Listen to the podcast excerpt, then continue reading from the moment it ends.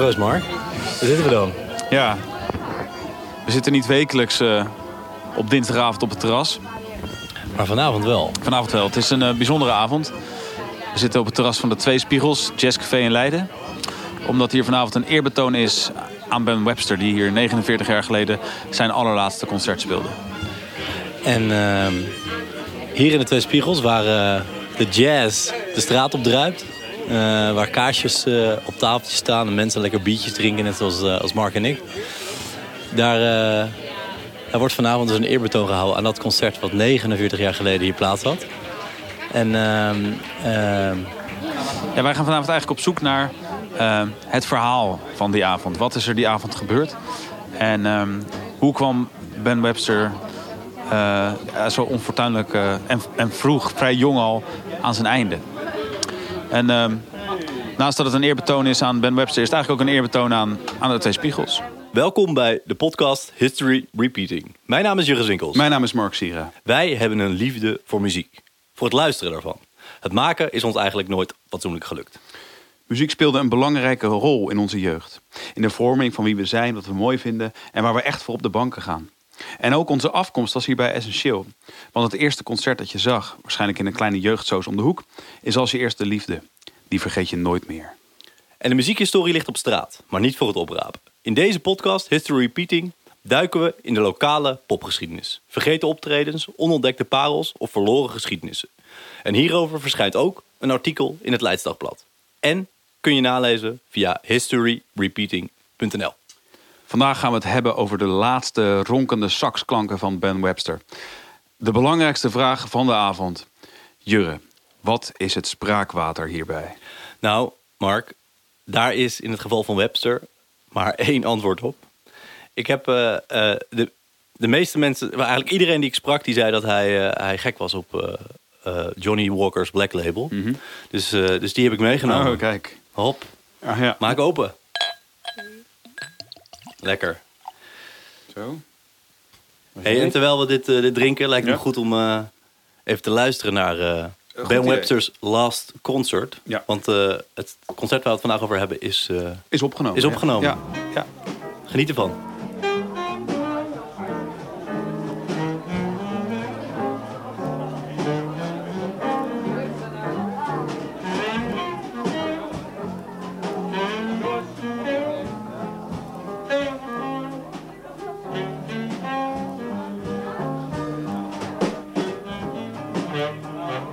6 september 2022 waren we bij het 49e jubileum van het legendarische concert van Ben Webster in de Twee Spiegels in Leiden. En we spraken daar met Boris van der Lek. En wie kan Ben Webster beter duiden dan een van de beste saxofonisten van Nederland? Nou, Ben Webster was heel groot. Uh, maar echt, echt heel groot als balletspeler. Uh, wereldberoemd, echt wereldberoemd. Dus het was een unieke situatie dat hij in 73 hier speelde. Dat was al ongekend natuurlijk in dit kleine kutcafé. Ja. Want het is echt niet te geloven. Maar dat heeft hij tot legendarisch concert gegeven. En helaas daarna is hij gestorven. Ja. Maar ja, het is altijd mijn held geweest. Ja. En hoewel ik dus niet exact zo speel zoals hij. Want ja, dat, dat moet je ook niet willen. Want ja, dat is... Uh, ja, hij, hij is Ben Webster. En, uh, dat, is, dat is mooi genoeg. Is, voor, is hij belangrijker dan uh, bijvoorbeeld een John Coltrane voor jou? Ja, dat wel. Zeker. Zeker, zeker. Wat, wat maakt hem zo speciaal dan? Uh, omdat hij een melodie kan spelen die zo mooi is, dat je daar, dat je daar uh, stil van wordt. En uh, ja, melodieën zijn, ja, zijn toch de leukste dingen, vind ik in muziek, vind ik dan. Hè. Ja. leuker dan akkoordenreeksen. Maar da, desalniettemin de plus is John Coltrane natuurlijk wel een wereldsaxofonist. En, maar het is totaal een heel ander, een heel ander gebied. Ja, precies. Ja. Het decor van ons verhaal is dus dat kutcafé. Nog steeds een begrip in Leiden. En oud-eigenaar Ben Walenkamp vertelt hoe zijn liefde voor jazz de basis was voor het ontstaan van de Twee Spiegels. Het spreekt nu over uh, begin 72. En uh, die man op een gegeven moment maakte daar een praatje mee, zoals ik altijd doe. En uh, toen zei hij van, ik stop ermee. Ik zei, nou, dan heb ik het nu gehuurd. Zo ging dat. En ik had eigenlijk nog geen idee wat ik wilde. Uh, totdat ik op een gegeven moment dacht van, ja, er is geen jazz. En ik was een enorme jazz-fanatiekeling uh, eigenlijk wel. Uh, veel platen. En ik, ja, ik dacht van, er moet een jazzcafé komen. En nou, dat werd de Twee Spiegels. twee Spiegels is niet genoemd naar de twee spiegels die er hangen, maar naar de oude eigenaar, de toenmalige eigenaar. Die had twee hele dikke brillenglazen. En toen noemden we de Twee Spiegels. Hij vond het prima, die man. Krekelaar heette die. En toen zijn we begonnen. En uh, ik had het geluk dat ik iemand kende van Hot House. was een bekend uh, jazzcentrum op vrijdagavond in Augustinus. Tom de Groei. En die had ook veel relaties ook. En ik leerde ook veel relaties kennen via Dolph Del Prado. Uh, bekende bassist uit Leiden. Dus op, en ik wilde jazz. En op een gegeven moment zijn we begonnen. En we hadden het geluk uh, dat we net in de jaren zeventig zaten met veel... Uh, er waren ontzettend veel muzikanten die uit Amerika kwamen, uit de Verenigde Staten. En er was een impresario in Nederland, Wim Wicht. En die haalde die mensen hierheen. En die traden ook op voor hele grote zalen, maar ook voor kleine in cafés. En dat, nou, dat ging geweldig. En toen zijn we, zo zijn we begonnen aan Amerikanen. En uh, nou ja, van Dexter Gordon tot Kenny Drew, tot uh, John Griffin, tot Art Taylor. Uh, je noemt maar op. We hebben er enorm veel gehad waarvan je nu zou zeggen... jeetje, dat was fantastisch. Maar dat was ook fantastisch. En op een gegeven moment, ja, Ben Webster. Johnny Griffin, Dexter Gordon, Art Taylor... dat zijn artiesten waar ik meerdere platen van in de kast heb staan. Dat zijn gemisselijke namen. Hoe kreeg Ben Walenkamp het voor elkaar om die namen... maar ook Ben Webster naar de twee spiegels te krijgen? Zoals Walenkamp zelf ook al noemt waren er in de jaren 70 diverse zwarte muzikanten die vanwege rassendiscriminatie vanuit de VS naar Europa kwamen. En hier was het Europese publiek enthousiast over de jazzmuziek en over de muzikanten. En ook het sociaal-maatschappelijke klimaat hier was, uh, was prettiger. Er was gewoon minder, uh, minder discriminatie. En in mei 1964 maakte ook Webster vanuit de Verenigde Staten de oversteek. Toen naar het Deense Kopenhagen. En na drie jaar Kopenhagen verhuisde Webster in 1967 naar Amsterdam. En komt hij terecht bij een hospita in de rivierenbuurt. En dat zorgt er eigenlijk ook voor dat Ben Webster vanaf die tijd steeds vaker in Nederland speelt. Hij heeft optredens van Maastricht tot Leeuwarden en van Enschede tot Leiden. En Wim Wicht is vanaf van eind 69 de impresario van Webster. Heb jij eerder van, uh, van Wim Wicht gehoord? Zeker, ja. Hij is, volgens mij stond hij aan de voet van het Noordse Jazz Festival. Uh, en hij had grote jazzartiesten onder zijn hoede. Uh, Art Blakey, Charles Mingus, Chet Baker, nou, noem ze maar op. Maar hij deed ook wel uh, popdingen. Volgens mij heeft hij Dion Warwick gedaan en André Rieu. Had hij ook onder zijn hoede. Ja. Alle markten thuis. Het lijkt me een bijzondere man om te spreken. Nou, dat was het ook. Een indrukwekkend lijstje namen heeft hij, heeft ja. hij onder zijn hoede gehad. Mm -hmm. En ik sprak Wicht dus, die nu eind 70 is, telefonisch. En hij was vanaf de eerste dag dus als uh, Lazarus. En, dat, uh, de, en, en het, het erge dus, dat kon hij dus nooit verbergen. Want zijn manier van spelen is zo dat, dat, uh, dat zijn, de toon van zijn saxofoon verandert dan onmiddellijk in een scheepstoeter. Volgens Wicht was Webster een grootheid. Maar zoals veel grootheden was hij ook onhandelbaar. Hij dronk veel om zijn angsten te onderdrukken en zijn eenzaamheid te verdoven. Hij had dus heel veel heimwee. En, maar vliegen naar Amerika durfde, durfde niet en er waren geen boten meer om te gaan. Dus hij belde ze, uh, altijd met zijn familieleden naar Kopenhagen. En dan duurde de... Uit, uit Kopenhagen, maar dat, dat, deed hij natuurlijk hier ook al. Ja. Dat hij hier was. En die gesprekken duurden dan vreselijk lang. En die waren toen ontzettend duur. Ja, natuurlijk. En, uh, dus meer dan een uur. Maar dat ging als volgt. Dan was hij dus uitgesproken met zo'n familielid. En uh, toen vroeg de familielid... En wil je met de, de, de buurvrouw ook nog spreken? Ja, zei ik.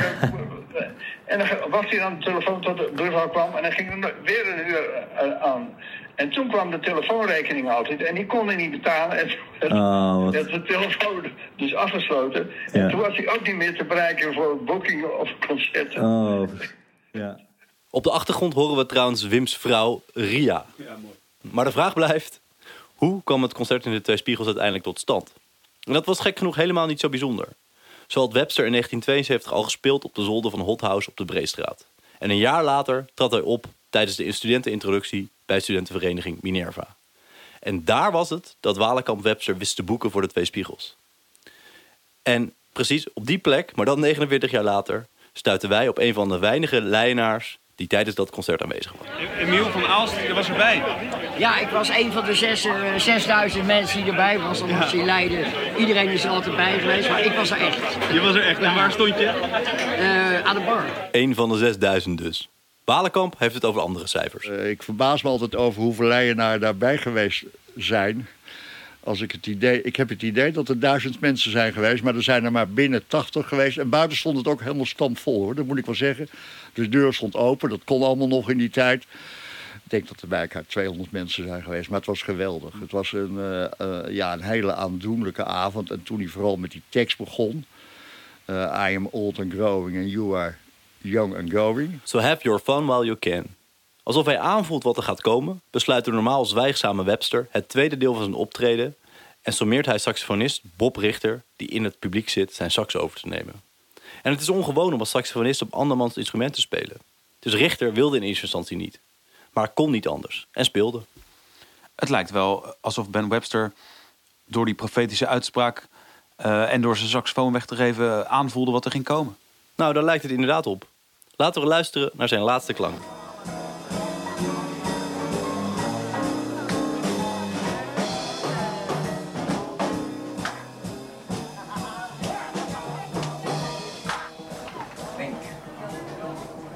No, but I would like to say because all of you are youngsters, and I heard when I was a kid from an old. He said, Yet, son, you are young and growing, and I'm old and going. So have your fun while you can. Webster stapt na afloop van het concert snel in een taxi naar zijn hotel in Amsterdam. Veertien dagen later overlijdt hij daar in het Sint-Lucas Andreas ziekenhuis. Ik heb over die laatste twee weken bijna geen anekdotes kunnen opdiepen. En ik vrees dan ook dat hij vrij eenzaam gestorven is. Ook Wim Wicht kon zich nog maar weinig herinneren van die laatste twee weken van Webster. Toen ter tijd toch zijn steun en toeverlaat. Uiteindelijk wordt Webster begraven op begraafplaats Assistins Kierkegaard in Kopenhagen. En niet in zijn geliefde Kansas. Volgens Wicht omdat niemand het transport van zijn lichaam naar de VS wilde betalen. En, we hebben er al even naar geluisterd, maar Walenkamp had dus de opnames van zijn allerlaatste concert. Eh, maar goed, we hadden het opgenomen. Dat is ook wel een leuk verhaaltje eigenlijk. We hadden het opgenomen en toen, eh, nou, toen ging hij dood. En eh, het was mijn apparatuur natuurlijk. En, eh, maar een, vriendje van mij die boven woonde, een student, die had het echt aan dat ding gezeten. Dus we kregen een enorme ruzie van wie nou de rechter had. Daar hebben we heel stom gedaan. Toen, uiteindelijk bleek dat ik de rechter had, maar daar gaat het nu even niet om. We hadden alleen maar de rechten voor Europa afgesproken. en de ruzie dat was behoorlijk eigenlijk. En dat, dat, dat sloeg eigenlijk op, helemaal nergens op. Want uiteindelijk kregen we 270 gulden. Dat is nou 130, 120 euro of zoiets. Eh, in Amerika liep die heel goed. En eh, ja, die plaat was ook heel slecht ook eigenlijk. Je hebt het wel gehoord. eh, het is heel beroerd eh, opgenomen. Ja. Al met al dus een tragisch verhaal van een geniale muzikant. Boris van der Lek, je hoorde hem in het begin al even, vindt dat dit legendarische laatste concert in de Twee Spiegels en zijn beroemde bijna laatste woorden op een bijzondere manier moeten worden geëerd. Dus een, een profetische uitspraak. Profetische uitspraak, zeker. zeker. Ik, vind, ik vind het ook dat het hier op die muur moet gekoopt worden. Hij, sta- hij staat binnen en naast het podium. Ja, dat, ja, maar ja, dat, dat binnen is, is, is niet... eh, het moet buiten staan. dan. Ja, precies. Dat- dit moet ook het Ben Webster Square geheten. Het Ben Webster Square dus. Ja. Mark, weer een mooi verhaal toegevoegd aan ons History Repeating archief. Heb jij eh, in dit verlengde nog een mooie luistertip voor ons? Ja, zeker. Ben Walenkamp zei al dat de opnames van Ben Webster live de Twee Spiegels niet zo fantastisch zijn. En dat klopt. Maar Ben Webster heeft natuurlijk wel geweldige muziek gemaakt. Dus wat ik tip is ehm, Ben Webster meets de Oscar Peterson Trio. Dat is het album dat hij maakte na Soulville, wat algemeen gezien wordt als zijn meesterwerk. Ehm, en die moet je zeker luisteren. Maar Meets de Oscar Peterson Trio is een, eh, eh, eigenlijk net zo goed. Misschien nog net iets beter. En vat volgens mij heel erg samen hoe Ben Webster in een donker café... waar maar een klein spotje op het podium staat, eh, staat te spelen. Die sfeer zit heel erg in, in die plaat. Mooi. Ja. Hey, wil je nou het hele verhaal over Ben Webster lezen? Kijk dan op historyrepeating.nl of, eh, of in het Leids Dagblad.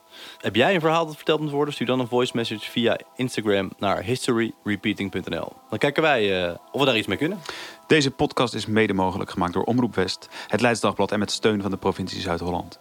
Muziek, sounddesign en montage is van Sarah en Tim. De volgende podcast gaat over snacks, drugs en rock and roll. U2 in Leiden. Tot de volgende. Tot de volgende. Hoi.